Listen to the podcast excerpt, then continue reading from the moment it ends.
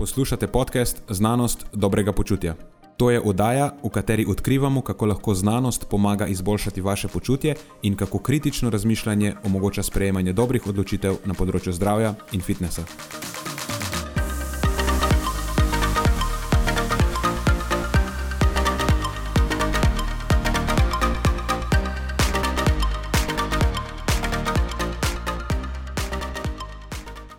Pozdravljeni, z vami smo Nenad in moj sovoditelj Matjaš.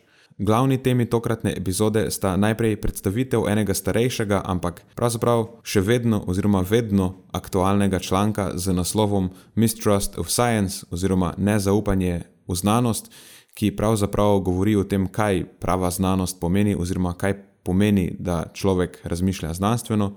V drugem delu pa predstaviva rezultate nove raziskave, ki je zaokrožila po internetu in ki naj bi pod vprašaj postavljala tisto vsem znano enačbo kalorije noter, kalorije ven, za uravnavanje telesne mase.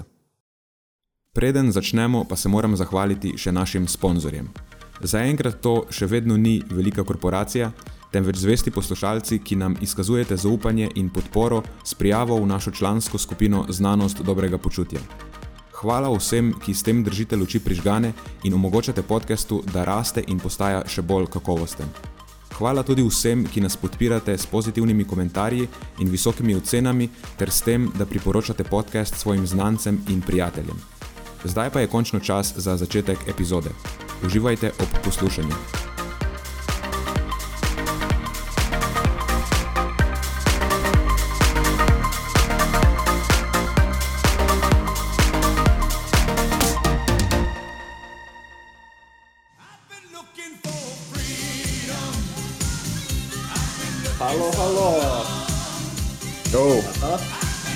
Glasbena izbira. Všeč mi je dejstvo, da vidim tam levo zgori ena, eno ikonco, ki piše recording. Ja, bog ne dej, da ponoviva to zadnjič. Brez snemanja. Ne, prosim ne. Ne vem, če imam danes uh, energijo za dvojno rundo. A poznaš komat? Ja, znam. David Hasselhoff. Mogu sem uh, oklopiti svoje jutranje možgare. Ta je po mojem zdaj bolj aktualen kot kadarkoli po letu, kaj je bilo to. 22. Misliš ta komat? A ja, uh, po letu, uh, tistega, uh, kako že bil tisti, Pač ne vem, ko ga je pel na berlinskem zidu tam. oh, ne vem, kje leto je to. Pač ob padcu berlinskega zidu. Prezgodaj, prezgodaj za me, da razmišljam še o zgodovinski. Čeprav ni bilo to dolgo dolgo časa nazaj.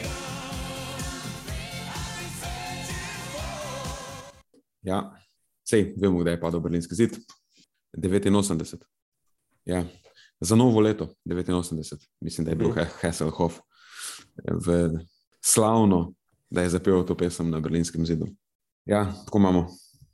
Trenutno spet aktualno. Sicer ne bo zid v Berlinu, upamo sicer, da ne bo nikjer, ampak lej, Nikoli ne veš. nikoli ne veš. Ok, torej, dan spet snemamo zjutraj, zgodnja ura. ja, le rana ura, zlata ura. Očitno velja to tudi za podcast. Ja, očitno, sploh ob takih urnikih, kot jih ima trenutno. Ne gre drugače. Ja, dejansko spet edina ura, ki smo uspela jo sinhronizirati. Ampak ok, smo potrudili, tako kot vedno. Absolutno. Kaj mi deluješ danes, nek zaspan? Uh, Nisi vzel alkaloidov. mogoče, mogoče še niso prišli v sistem.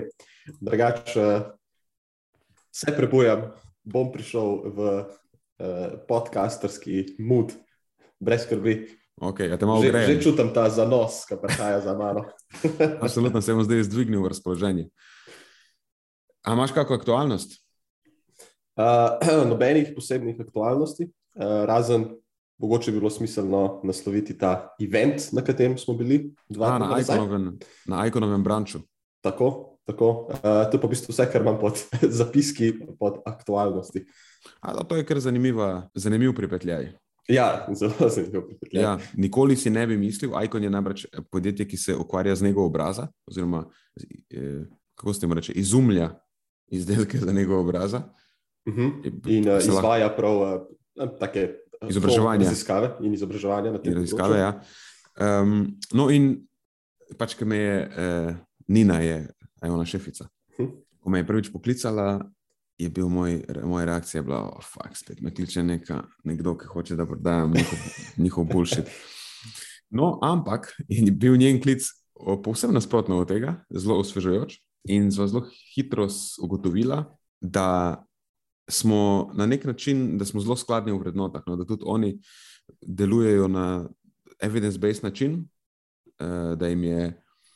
Um, da svojih izdelkov ne producirajo v skladu z nekimi trendi, ampak v skladu z dokazi, in da se soočajo s podobnimi problemi, kot s katerimi se mi soočamo na področju prehrane, pa vadbe, da se oni z njimi soočajo na področju kozmetike, kjer v bistvu tudi obstaja kupenih, kot je ona rekla, doktorjev Instagrama, pa raznih influencerjev, ki marsikaj govorijo in marsikaj prodajajo, kar ni nekako podkrepljeno z ničemer konkretnim. Eh, Dočim oni res ustrajajo pri tem, da pač vse mora imeti neko zelo trdno znanstveno podlago. Eh, tako da, ja, zdaj smo imeli za dan žena eh, tak brunch event, kjer so govorili o raznih trendih na področju nekega obraza, kozmetike, na splošno, eh, kakovosti kože. Se mi zdi, tako je bil kar zelo zanimiv dogodek, eh, kjer smo pa tudi mi imeli svoj segment o eh, beach bodyju, oziroma uh -huh. o ja, pač negi telesa, da lahko temu rekli. Ampak v bistvu pri skrbi za ugodno telesno sestavo, takšna, kot je trenutno sprejeta v, kot, najbolj, kot najbolj privlačna. Recimo, zdaj lahko rečeš, da, je to, da nam je to dano, ali pa da nam je to privzgojeno, kakorkoli si želite, ampak trenutno pač nek telesen tip je najbolj privlačen, približno nek telesen tip je najbolj privlačen, in mi smo govorili o tem, kako, kakšne so smernice, da uh mhm. -huh. dosežeš to. Ja, privlačno telo je ta termin, ki smo ga potem izbrali. Seveda ja. so tle uh, deviacije ven iz tega. Tako, tako. Ni, ni, samo en, tako, ni samo zdaj en točno dan tip, ampak vemo približno, k čemu stremimo, ne, da bo ostala eh, čisto politično korektna. Tako, Kar to. sicer ta podcast sicer absolutno ne stremi k temu, da bi ostal politično korekten, ampak včasih ne škodi, da. Naredimo izjemo tu, ja, da, da tudi niso maksimalno kontroverzna vedno. Sploh, uh, ja. sploh v tem času mislim, da noben ne potrebuje dodatne kontroverznosti. Tako da tudi tema, ki sem jo jaz izbral, bo nekoliko bolj lahkotna tokrat. Uh -huh. Ok, ok, super. Uh, ti moja tudi, po mojem, ni nekaj tako zelo, zelo kontroverzna.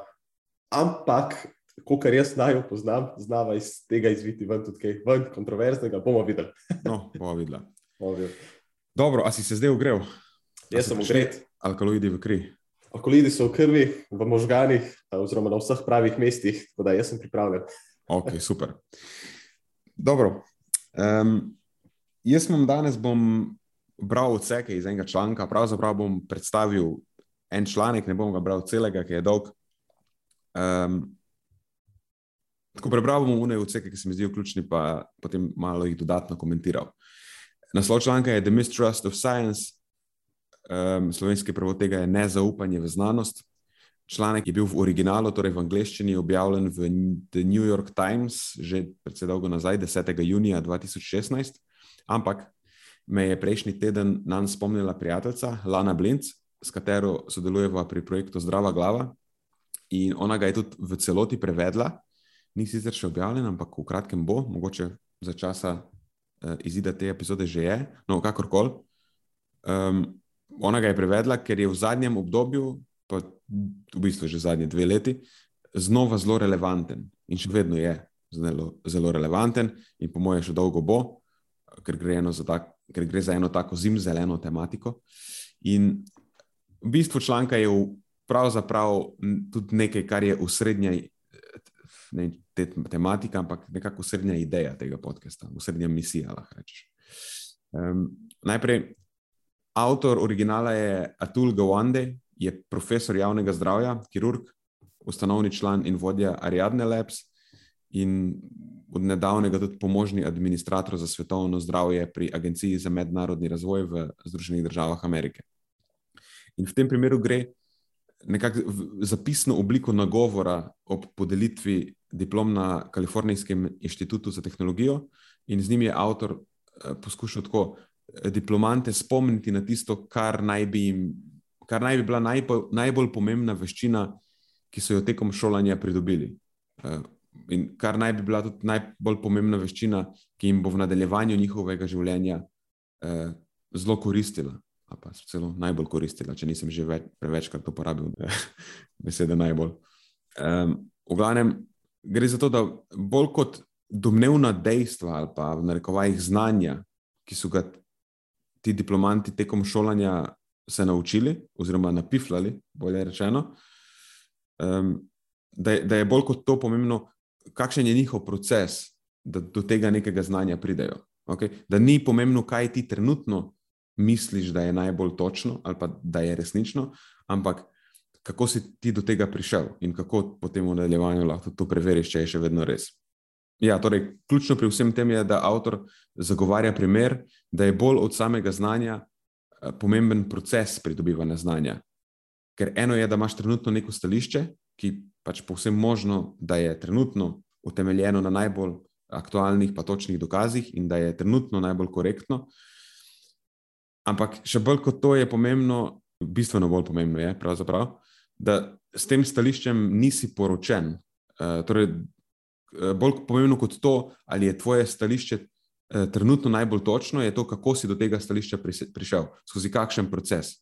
In, in mogoče še bolj kot to, a imaš to stališče sposobnost preveriti in potem spremeniti, če se pojavijo boljši nasprotujoči dokazi. In tako kot že rečeno, zdaj kar bom jaz naredil v nadaljevanju, da bom izpostavil samo nekaj ključnih odstavkov iz tega članka ali pa nagovora, reč, kot češ. Uh, tistih, ki se mi zdijo najbolj pomembni in za katere mislim, da bi nam vsem zelo koristilo, eh, če bi jih uspeli čim bolj ponotranjiti. Um, med viri bo valinkala ta cel članek, uh, ko bo po voljo tudi lani prevod, pa tudi tistega v celoti. Uh, tako da tisto, kar bom prebral, jaz, je v slovenščini iz njenega prevoda, uh, ki mi ga je poslala. Um, tako da, ja, to je to. In v glavnem, Zdaj, najprej, zakaj se mi zdi to tako zelo pomembno?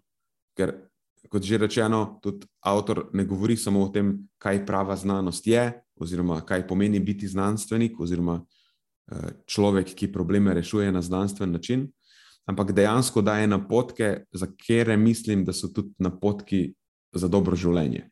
Ker vse veš, kakšno je moje stališče glede tega, da je evidence-based pristop k življenju, oziroma z dokazi podkrepljen pristop k življenju, v bistvu najboljši način za maksimizacijo um, kakovosti življenja ali pa dobrih odločitev v življenju.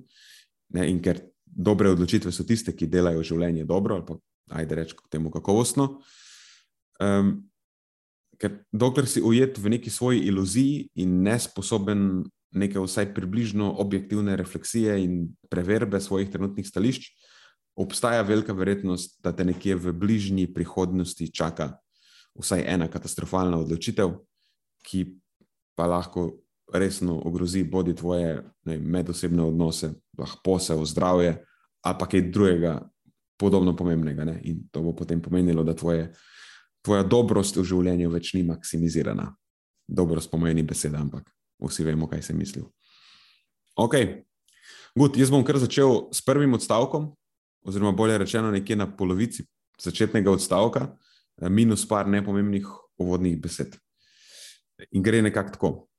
To je zdaj, začne se citat. Znanost ni univerzitetna diploma ali poklic, temveč predanost sistematičnemu načinu razmišljanja, zvestoba razvoju znanja ter razlaganje vsega skozi preverjanje in nepristransko opazovanje. Težava je v tem, da ne gre za običajen način razmišljanja, pravzaprav je nenaraven in skregan z intuicijo, zato se ga moramo priučiti. Znanstvene razlage so nasprotne splošni modrosti, posameznikovemu doživljanju in zdravi pameti. Zdrava pamet je nekoč zatrjevala, da se sonce premika po nebesnem svodu in da se prehladimo zaradi mraza. Znanstveni um pa je v teh prepričanjih prepoznal zgolj domneve, ki jih je bilo potrebno preveriti. In tukaj je konec prvega odstavka. Tako da kar lahko rečemo na tej točki, je, da pač znanost niso nazivi. Znanost je način razmišljanja, je sistematičen način razmišljanja. Lahko imaš ti 300 črk pred in za imenom, lahko si svetovno priznan tata mata? Sam, če svojih stališč ne preverjaš in se v njih konstantno ne preizprašuješ, in če jih nisi sposoben ustrezno preveriti, si sam navaden vernik. Ne razmišljaš, sam slepo verjameš v nekaj. Uh, in še ena ključna stvar je, da to razmišljanje, da taka vrsta razmišljanja ljudem ni naravna, ni nam prirojena. Ne, to, je, to je nekaj, to, da se konstantno preizprašuješ in dvomiš v svoje stališča, da jih nikoli ne držiš čist trdno, ne, to, tega se je potrebno priučiti. Pač niti dano. Ne, ne vem, če se, če se tega večina zaveda. Da način, na katerega trenutno operirajo, je daleč, daleč v stran od tega, kar je znanstveno. Ne, ker znanstveno niso neka zapletena dejstva, pa uporaba znanstvenih besed. E, to je bil pa tak eh, zelo osvežujoč segment. A si, uh, si pripričan, da nisi ti tega pripravil?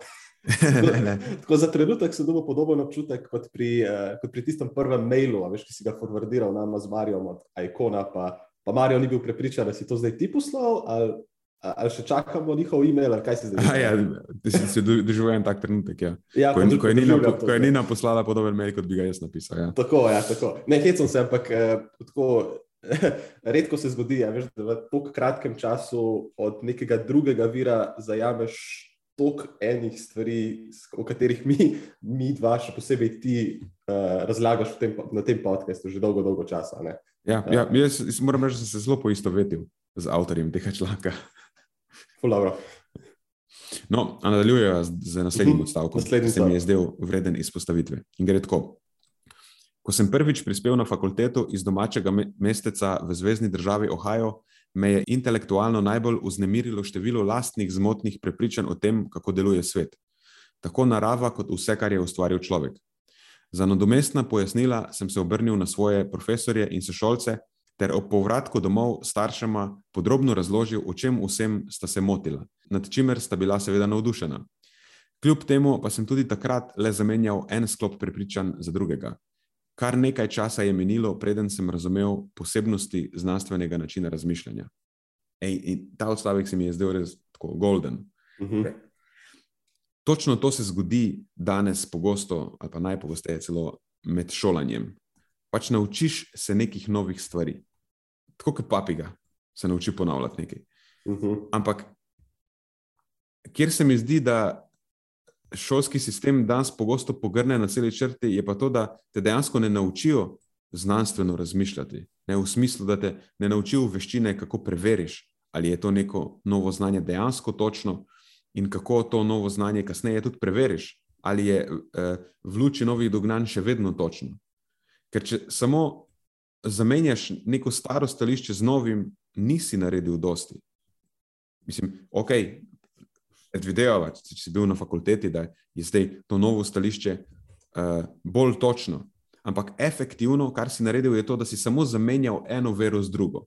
Prej si verjel nekaj, zdaj verjameš nekaj drugega. Sam, a si dejansko znaš preveriti, če je katerakoli od teh ver dejansko v skladu z objektivno resničnostjo. A veš, kako si prišel do te nove vere? A sam pač verjameš na besedo nekomu? Ne? Ker, ker samo to, da v nekaj verjameš, zato, ker ti je to povedala neka avtoriteta, ki ji tudi zdaj iz pač nekega razloga bolj zaupaš kot prejšnji avtoriteti, ki ti je povedala nekaj drugega, samo menjavaš svoje bogove. Ne, nisi dejansko samo zadosten v tem, da oblikuješ svoje znanje. Ne, da znaš točno pojasniti, ok, jaz verjamem to zaradi tega, tega in tega. Ne, itd. itd. Ja, absolutno se strinjam. Um, ne vem, meni je blizu ta prispodoba, mogoče pa, mogoče pa ni toliko na mestu, ampak um, ne, ne gre se za to, da se napiflaš končni rezultat neke, neke računice, um, gre se za to, da razumeš enačbo, ki pripelje do nekega rezultata v ozadju tega. Ja. Uh, in zdaj lahko, samo, lahko samo menjaš vero v to, da ti nekdo poda en rezultat, pa potem drugič drugega. Ampak kar je bilo toliko bolje, da se naučiš tisto enačbo nekako sami izpeljati ven, pa priješ do svojih zaključkov. Ja, tako je. E, meni se je ena prispodoba zdaj pojavila, ki v bistvu je na, na mojem primeru, uh, ne vem, če se bo kdorkoli poistovetil s tem, ampak gre tako, da zdaj v zadnjem letu, uh, ko obiskujem tudi program uporabne statistike, je tako, da um, pač, ko delaš, pač ARI je en programski jezik, v katerem doskrat delamo. analizo podatkov. Um, in pač v tem ARO imaš do, določene funkcije, s katerimi lahko podatke analiziraš, in v bistvu ne rabiš vedeti matematike za tem, samo vedeti moraš, katere funkcije uporabiš. Ne? No, ampak zdaj na tem programu nas dejansko učijo, kako te funkcije v zadju delujejo in tudi v bistvu na kakšni matematični podlagi delujejo. Ne? Nekako naučiš se, kaj je v zadju za tem, da ta stvar deluje. In se mi je zdelo to na začetku, pa zakaj mi težite s tem, da moramo vse te enačbe vedeti. Pa vse vem, sem povem, veš, katero funkcijo moramo uporabiti, kako veš, nek output, ki ga dobim, zgleda, kako ga interpretiram, nekaj so tiste najbolj pomembne stvari. In vse ja, do neke mere je v bistvu to res. Za analizo podatkov ne rabiš nujno vse matematike v zadju vedeti. Ne, ne rabiš dejansko biti statistik, tako, pač tako res. Un. V pravem pomenu besede. Ja, ampak tako res v unem pravem pomenu, tako tisto ono, heavy matematika, statistik, tako da si, ne vem, prav študiral zdaj statistiko. Ja, mislim, rabiš vedeti ful poglobljeno o tem, ampak ne, ne glih čisto vsega na svetu. Um, no, ampak, mislim, da se ne, da se ne zapletam. Kaj sem hotel reči? To, da, ja, ampak vsem to, da pa ti razumeš matematično podlago, na kjer do nečesa prideš ne, in zakaj je to tako, je pa v bistvu veliko pomoč potem. In uh, kaj sem hotel še reči? In no, prispodoba, ki je, je v bistvu nekako tako. Jaz sem včasih sem se šalil, da se, če hočeš biti dober voznik avta, ne rabiš biti tudi mehanik. Lahko si dober voznik avta, brez tega, da si znaš avto popraviti. Ampak, če pa hočeš biti čist samozadosten, eh, ker zdaj vožnja avta ni neka stvar, ki je zelo, pač, mislim, je pomembna, ampak tako, ok, če se ti pokvari avto, ga pač peleš ne, popraviti mehaniko. Um, ampak to mislim, da ne bo imelo tako pomembne pomembnega vpliva na tvojo kakovost življenja, kot če se ti pokvari znanje. Ker če se ti pokvari znanje, pol moraš biti pa ti sam svoj mehanik in dejansko moraš vedeti osnove, kako neka stvar deluje. Ne moreš biti tudi mehanik svojega znanja, ne moreš biti sam voznik. Mislim, lahko si sam voznik, ampak polk se ti pokvari, obstojiš na cesti. Hvala, da si popravil mojo grozovito napako, da nisem dal prispodobe vezane na avtomobile z prispodobo, ki je dejansko vezana na avtomobile, tako bolj v luči tega podcasta. Ja, ja. No, in podobno je tudi pri analizi podatkov. Pač, če se ti ena funkcija pokvari, rekovaj, pa ne veš, zakaj deluje, pa dobiš neke čudne rezultate. Recimo, ne uporabiš nek model, ki se ne aplicira najbolj. Um, ko veš matematiko v zadju, tako lahko precej hitro pologotoviš, zakaj je to tako, pa, uh mhm. -huh. kaj bi bilo potrebno narediti, uh -huh. uh, da se to popravi. Ja. Ja, in enako v resničnem življenju, ko, ko slišiš neke uh, čudne uh, Ehm, vem, na svete ali kakorkoli že, lahko hitro to stvar preveriš. Potem. Ja, ja. ok, nadaljujeva. Uh mhm. -huh. Naslednji citat. Kot študentu se mi je zdelo, da vse skupaj presega način razmišljanja. Šlo je bolj za način obstoja in še to za dokaj nenavadnega. Potrebni sta tako skepsa kot domišljija, a v pravi meri. Znanstvena presoja zahteva odločnost, a tudi previdnost. Znanstvenik stremi k odprtosti pri dojemanju stvarnosti, zbiranju dejstev ter preverbi lastnih pričakovanj in domnev. Na to se mora odločiti, da izid bodi si sprejme, bodi si zavrne in se obenem zaveda, da nič ni zares dorečeno, da je celotno pridobljeno znanje zgolj vprašanje večje ali manjše verjetnosti. Vedno se lahko pojavi nekaj, kar utečenim razlagam in idejam nasprotuje. Edwin Hubble je to nekoč strnil takole znanstvenik svet razlaga z zaporedjem približkov. Konec odstavka. No, in ta odstavek je še nekaj, kar mi je bilo super všeč. Ne, ta odstavek govori o tem, da moraš biti pripravljen sprejeti, da ničesar nikoli zares ne veš. Da imaš lahko pač trenutno neko stališče, v katerega si relativno prepričan, ampak da se moraš zavedati, veš, da to se lahko malo spremeni. Ne, vedno se lahko pojavijo neki, uh, neki dokazi, neki novi dokazi, in potem moraš biti pripravljen, da v skladu s tem svoje stališče prilagodiš. In ta Hubbleov citat, da, da si znanstvenik svet razlaga z zaporedjem približkov, ne, to je pa še ena stvar, o kateri vedno govorimo, da je pomembno tako, to probabilistično razmišljanje. Tako, pomeni, da pač trenutno imaš neko stališče, za katerega meniš, da je približno točno. Recimo, če si to malo karikiramo, mogoče si bo tako lažje predstavljati. Eh, da si to trdnost držanja nekega stališča pač izraziš v odstotkih. Ne, recimo, da sem zdaj v nečem 80-odstotno prepričan, da je tako na podlagi teh in teh dokazov. Ampak, če se zdaj pojavijo neki protidokazi, ki pa mogoče niso zelo obremenilni. Pač potem, recimo, to prepričanje zmanjšam za par odstotkov. Recimo, da zdaj sem pa ok, 70 odstotkov prepričan o to. Um, ne, recimo, da zdaj to stališče držim manj trdno. Po drugi strani, če se potem pojavijo neki popolnoma nasprotujoči novi dokazi, lahko da bom močno spremenil smer stališča in zdaj to novo stališče držim z neko določeno trdnostjo, ki pa je še vseeno mogoče manj trdna od tistega prejšnjega, glede na to, da sem popolnoma spremenil mnenje. Ne? Ampak ponavadi se ne zgodi to. No? Če svoja stališča oblikuješ na najbolj aktualnih dokazih, pa eh, gledaš sliko eh, kot celoto, ponavadi ne rabiš stališč popolnoma spremenjati, samo prilagajaš njihovo eh, trdnost. Mm, no, v glavnem, vedno na, napreduješ tako, da trdnost držanja nekih stališč prilagajaš v skladu z dokazi, ne, ali pa pač ta stališča v skladu z dokazi tudi bolj dram, dramatično spremenjaš. Če je to, to potrebno, pa še ena ključna stvar, znanje, pa tvoje stališča napredujejo via negativa. Pomeni, da vedno iščeš proti dokaze, ne, ne iščeš dokaze, s katerimi ta stališča podpiraš, ampak vedno gledaš, kako jih lahko malo ma spodkopaš. Ne, ker edini takrat, ko ugotoviš, da se v nečem motiš, se v bistvu zares nekaj naučiš. Uh, zelo, zelo, zelo smiselno uh, priporočilo se lahko poistovetim na več različnih koncih. Še posebej to, kar si omenil, glede, um, glede tega, da veš, če si že v osnovi ustvariš neko, nek pogled na določeno stvar, ki zajema nekako širšo sliko. Je potem je velika verjetnost, da tega pogleda ne bo treba zelo, zelo drastično spremenjati, tudi ob luči nekih um, novejših dokazov. Ja, ja. Ok, naslednji citat. Živimo v času, ko številne skupine uveljavljajo svoje kulturne domene in ustvarjajo lastne temelje znanja, ki so, glede na smernice znanosti, pogosto sporni. Delno gre za verske skupnosti, ki naprimer dvomijo v evolucijo, delno za predstavnike industrije, ki pod vprašaj postavljajo podnebne spremembe, številni pa se na političnem spektru nagibajo proti levici, naprimer tisti, ki zavračajo uveljavljeno medicinsko znanje in odkritja v prid naravnim, v narekovajih, alternativam. Čeprav gre na prvi pogled za povsem različne skupine, so si po eni plati povsem enake. Vse gojijo sveta prepričanja, v katera naj ne bi dvomili.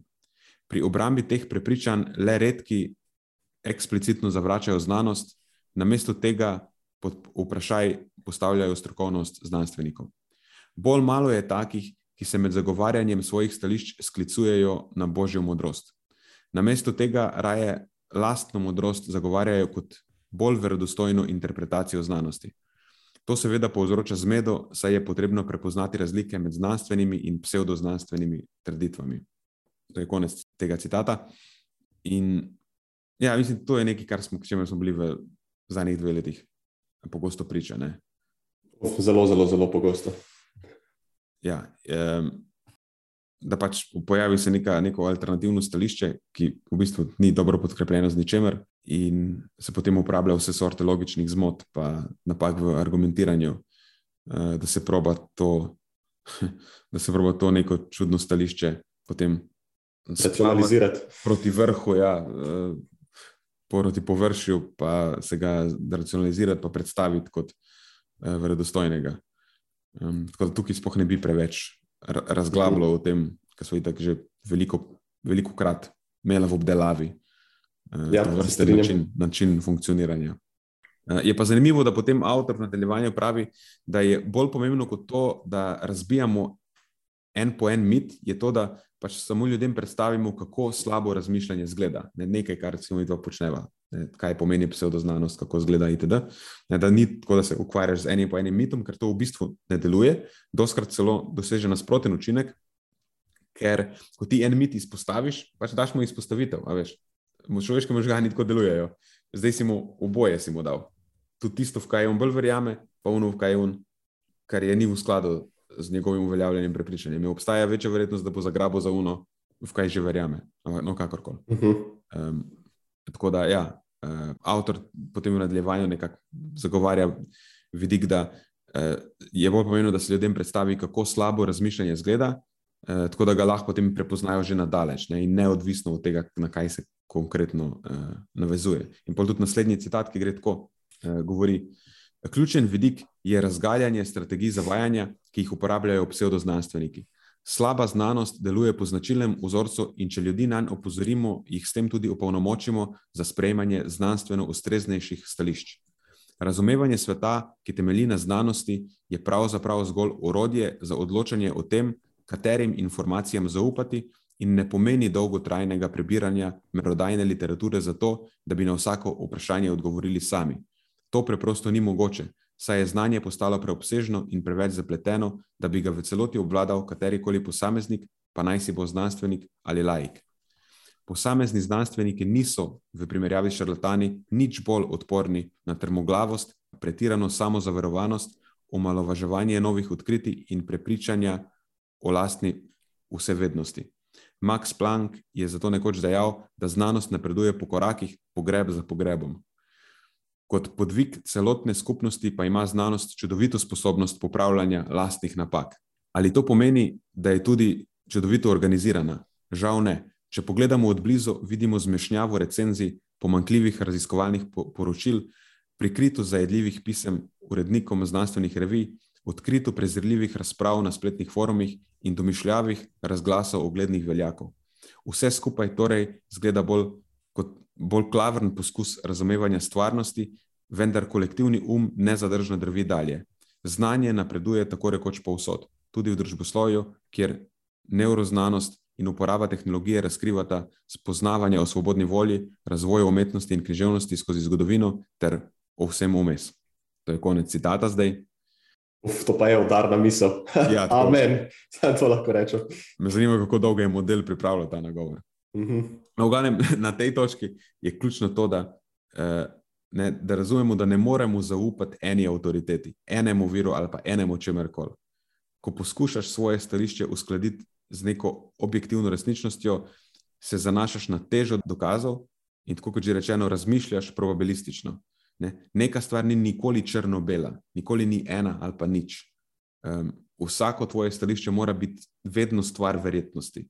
Ne, tako kot že prej sem pravil biti maksimalno plastičen, ne, skoraj do mere karikature, je, da recimo na podlagi teh in teh dokazov, upoštevajoč te in te proti dokaze, sem x odstotkov prepričan, da je moje stališče pravilno. Ampak še vedno obstaja 100 minus x odstotkov verjetnosti, da se motim. Pač tako jaz gledam na stvari. Uh -huh. Sicer si tega ne razlagam nikoli v konkretnih številkah, ampak sam zavedam se, da sem zdaj, recimo, približno do tri četrt prepričan. Ajde, reči Mhm. tako, da bo. Ne? Pač ti odstotki so mogoče malo preveč, karikatura, ne? ker noben ne si ne reče, jaz pa zdaj za 76 odstotki mislim, da imam prav. Ampak tako kot za, za primer, ne, mislim, da si ljudje najla, mogoče se je najlažje je pol to ponotranjiti, če predstaviš tako. ja, ja, da se pač bolj ali manj oddaljuješ od tistih Ja. 100% pod veš, In to lahko, veš, tudi na najbolj absurdnem primeru lahko to predstaviš. Pač zemlja je obla, ok? Sprejeto kot dejstvo. Ampak je fucking res? Jaz nisem 100% prepričan v to, ker, nisem je videl, nisem še prejel v rokah kot oblo, a veš, kaj hočem reči. Ne? Mhm. Ja, prepričan sem v to 99,9999999 odstotkov, ampak ne, vedno obstaja kanček možnosti. Ne vem, lahko živimo v neki simulaciji, razumeš? La- Lahko pač jaz zdaj se nahajamo v neki simulaciji, kjer je, so stvari simulirane tako, da vse skupaj zgleda kot.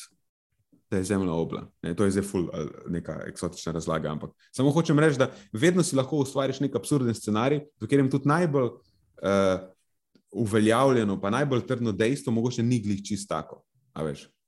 A pa lahko, da vemo, pač lahko, da ne, če se v vesolju ne vemo in da se ustvarja neka iluzija. Kaj pa jaz vem? Pač provam biti, zdaj že kvasim neumnosti. Sam provam biti, ne provam tudi na najbolj trdnem stališču predstaviti primer, kako mogoče lahko ne najdeš vsaj nek kanček dvoma. In na to, na točno o tem govori tisti odstavek od zgoraj, pač da znanstvenik mora imeti vedno domišljijo. Ne?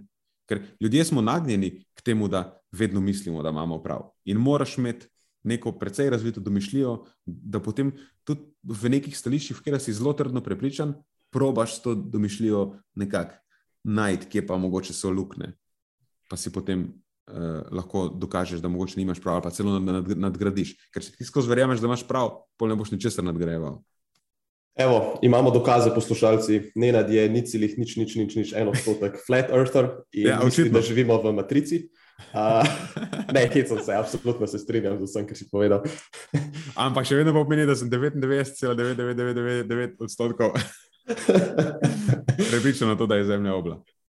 Ja, whatever. No, mislim, se v bistvu, ja, imaš prav.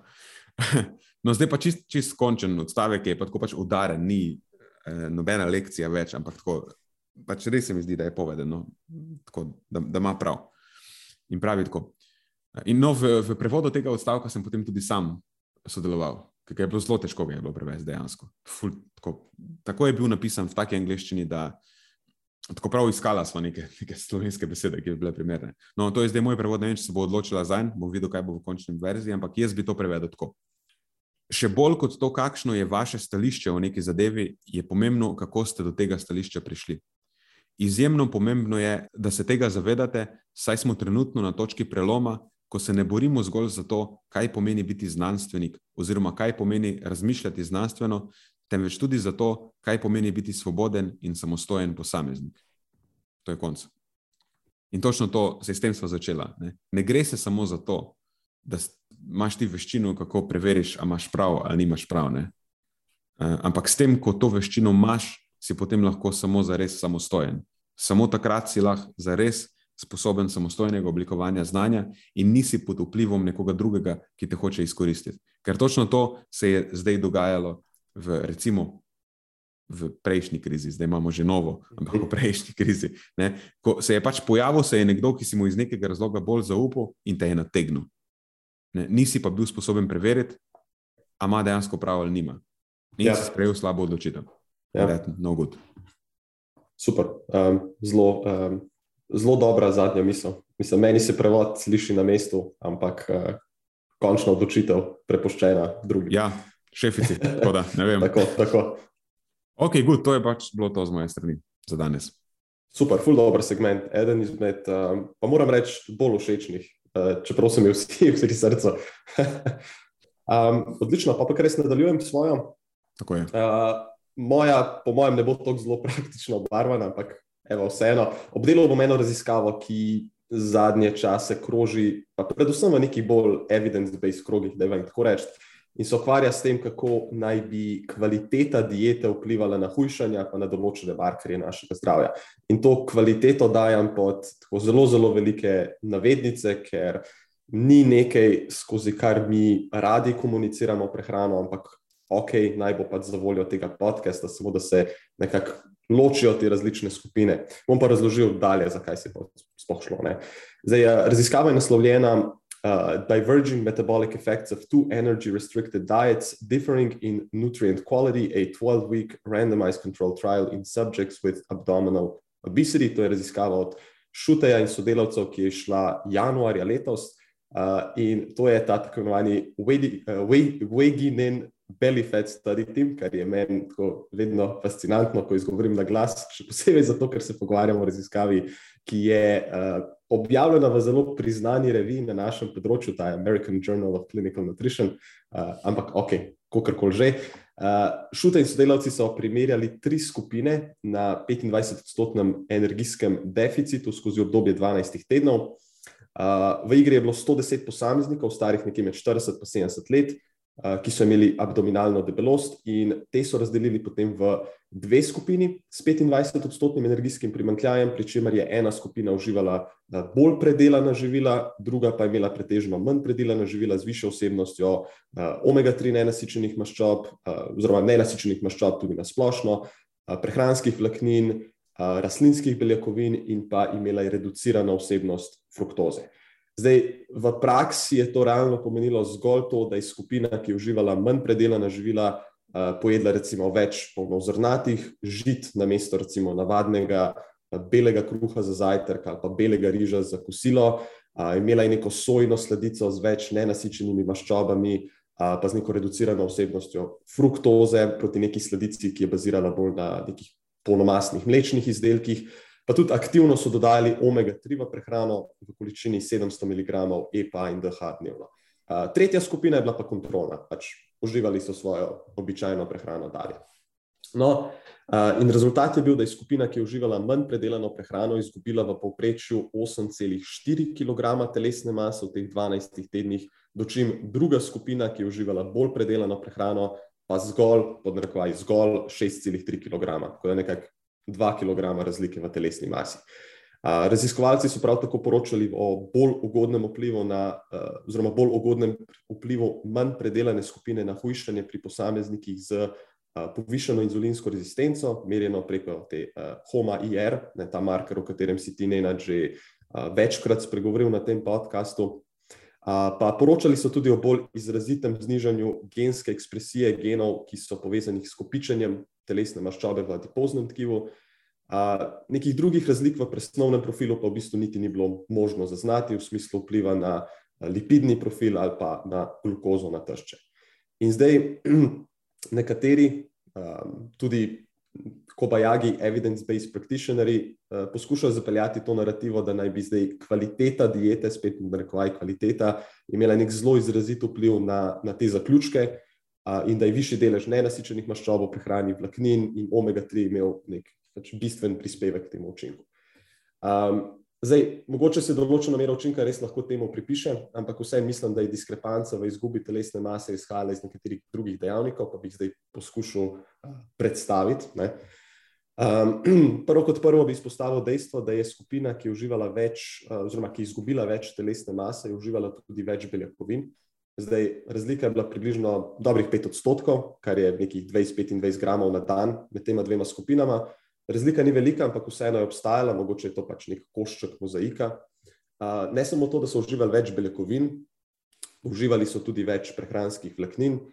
Ponovno razlika ni bila zelo, zelo velika, ampak vseeno statistično značilna in poleg višjega vnosa beljakovin, morda bi lahko tudi to prispevalo k večji meri sitosti udeležencev in morda tudi ne vem, nekoliko večjem deležu pokurjene energije preko termogeneze. Zdaj, tretja točka in uh, to je po mojem mnenju daleč najbolj pomembna točka, je to, da čeprav so poskušali kar se da dobro standardizi standardizirati vnos energije, pa jim to vseeno ni 100% uspelo, ker enostavno niso imeli ljudi na presnovnem oddelku. Uh, ni bila to neka taka uh, Kevin Hall raziskava, ne na zadnje. Uh, in to bi jaz rekel, da je ključen del sestavljanke. Ne. Sicer so udeleženci dobili dokaj natančna navodila, ki so se jih mogli držati glede izbire posameznih živil oziroma skupin živil v posameznih obrokih. In raziskovalci so tudi poročali, da naj bi prišlo do relativno uh, blizu teh tarčnih ciljev, glede vnosa makrohranil, pa tudi uh, energije na splošno posledično. Ampak jaz ostajam skeptičen, da je bila ta stvar zares, zares zelo dobro kontrolirana ali pa zelo dobro izpeljana v praksi. Zdaj ne blatim te raziskave v nikakršni meri, zato ker mi je več kot jasno, kako težko je te stvari dejansko izpeljati v praksi. Ampak žal je pač to omejitev te raziskave in treba jo nasloviti. Na tej točki v bistvu meni ta cela raziskava propade. Omenil si tudi Kevin Hall. Kevin Hall je naredil tako raziskavo na presnovnem oddelku, kjer so ad libitum dali jesti pač do sitosti ljudem dve različni vrsti prehrane, predelano in nepredelano, in se je zgodilo točno to, da so na predelani eh, prehrani ljudje pojedli ne vem koliko, par sto kalorij več in tudi v skladu s tem pridobili telesno maso, in je bila razlika v pridobivanju telesne mase zgolj in edino posledica razlik v energijskem vnosu. Tako da v bistvu je ta raziskava, je sem, ne seže do kolen oni, Kevin Halovi, ki je raziskovala isto stvar. Evo, super. Uh, to sem v bistvu napisano malo nižje, prej ja. bi zaključil ta del, ampak mi je všeč, da smo začela kar s tem, lahko kar nadaljujeva.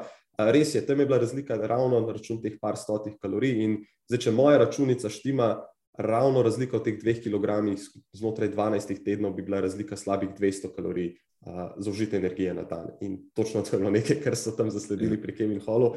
In točno to je nek tak energijski vnos, ki ga, po mojem mnenju, pač, veš, izgubi se skozi to neko, um, izgubi se zaradi, na račun nepreciznosti. Ne? Uh, ne moreš se iti take raziskave v končni fazi, če ne standardiziraš teh stvari v nulo. Ker ne vemo, kaj se je potem dogajalo dejansko. Res ne vemo. Ne? Um, Raziskave, kjer primerjaš v prostem svetu ali pa v resničnem svetu dve prehrani, ki sta zelo različno nasitni, pa pustiš to ljudem, da si sami naredijo, to je, ne moš tega delati. Absolutno. To, to se ne da Še... narediti. Ni, ne, ne, ne moreš dobiti dobrih rezultatov. Ja, in, in, in to še posebej ne v situaciji, kjer vzameš neko lajčno populacijo, ki, je, um, ki ima prekomerno telesno maso, torej to niso ljudje, ki recimo obvladajo svojo prehrano pod narekovaji in ti jim daš neka navodila. Veš pa tudi, če se usedeš z vsakim posameznikom posebej, pa jim daš ne vem, par urna navodila in vse to, to ne gre skozi.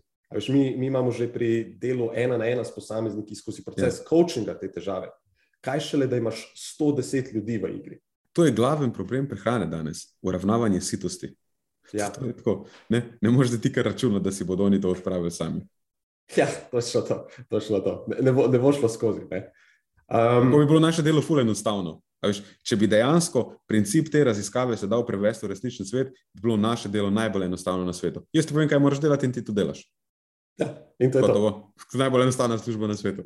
Ja, zdaj pa povej, koliko je to funkcioniralo? Nikoli. Nikoli.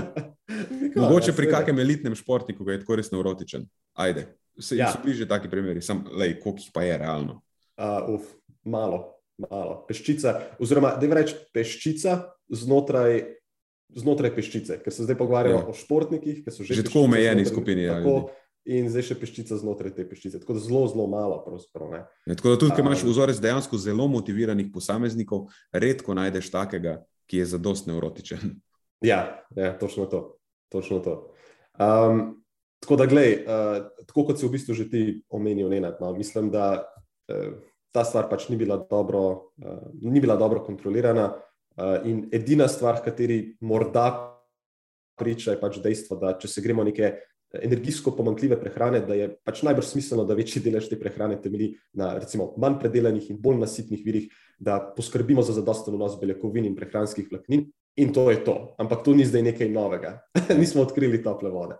Uh, zanimalo bi me še ena stvar, ki je ta raziskava ni naredila, nažalost, pa mislim, da bi bila zelo enostavna. Bi bile kakšne meritve v telesni sestavi, recimo, uh -huh. na račun česa so te razlike sploh prišle. Mogoče bi že to, no, vsaj ne vem, malo odprlo več uh, dejstev o tem, kaj se je dogajalo skozi obdobje teh 12 tednov. Tako da, če je koga slučajno skrbelo, pa je naletel na kaj takega um, v teh evidence-based krogih v zadnjem času, uh, brez skrbi. Ja. Nič se ni spremenilo. Ne, ja. ne rabite narediti prevelikega odklona od uh, prejšnjih uh, pogledov na te stvari. Ja. Mislim, še vedno velja, da pač ni smiselno temeljiti svoje prehrane na energijsko zelo gostih, pa ne nasitnih živilih, Ja, ker obstaja verjetnost, da se jih bomo prenajedli, ker je težko uravnavati uh, sitost na tak način, da bi potem zaužili energijo v skladu s dejansko svojimi potrebami, če so te neke relativno nizke, recimo, da smo pretežno sedeč posameznik. Ne. Je pa res po drugi strani, to pa so tudi stokrat rekla, če imaš visoke energijske potrebe, je pa mogoče celo koristno, da malo povoziš svoje sitostne zavore, pa da ješ več, kot ti tvoj apetit narekuje. Ja, oziroma, boš to mogel kar aktivno delati, ker ja. sicer si pa lahko nakoplješ težave. Uh, ja, evo, to je pravzaprav to. Super. Kar se tiče mojega segmenta. Hitro, učinkovito. Sladko. Mislim, ti si bil bolj kaj jaz. no, tvoj, tvoj del je realno gledano tudi bolj pomemben. ok, good. Dan so posnela, očitno vidim tipko zgoraj, zdaj bom prekinil snemanje. Ok, hvala Bogu.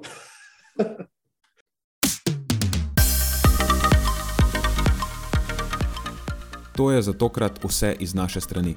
Hvala, ker ste poslušali do konca. Delite epizodo s svojimi znanci in prijatelji in jo priporočajte dalje, saj s tem omogočite, da sporočilo znanost dobrega počutja doseže čim večjo množico. Hvala vsem, ki nas podpirate s članarino in tudi vsem ostalim, ki delite podcast dalje in nam izkazujete naklonjenost z visokimi ocenami in pozitivnimi komentarji. Se slišimo prihodnjič, do takrat pa ostanite premišljeni.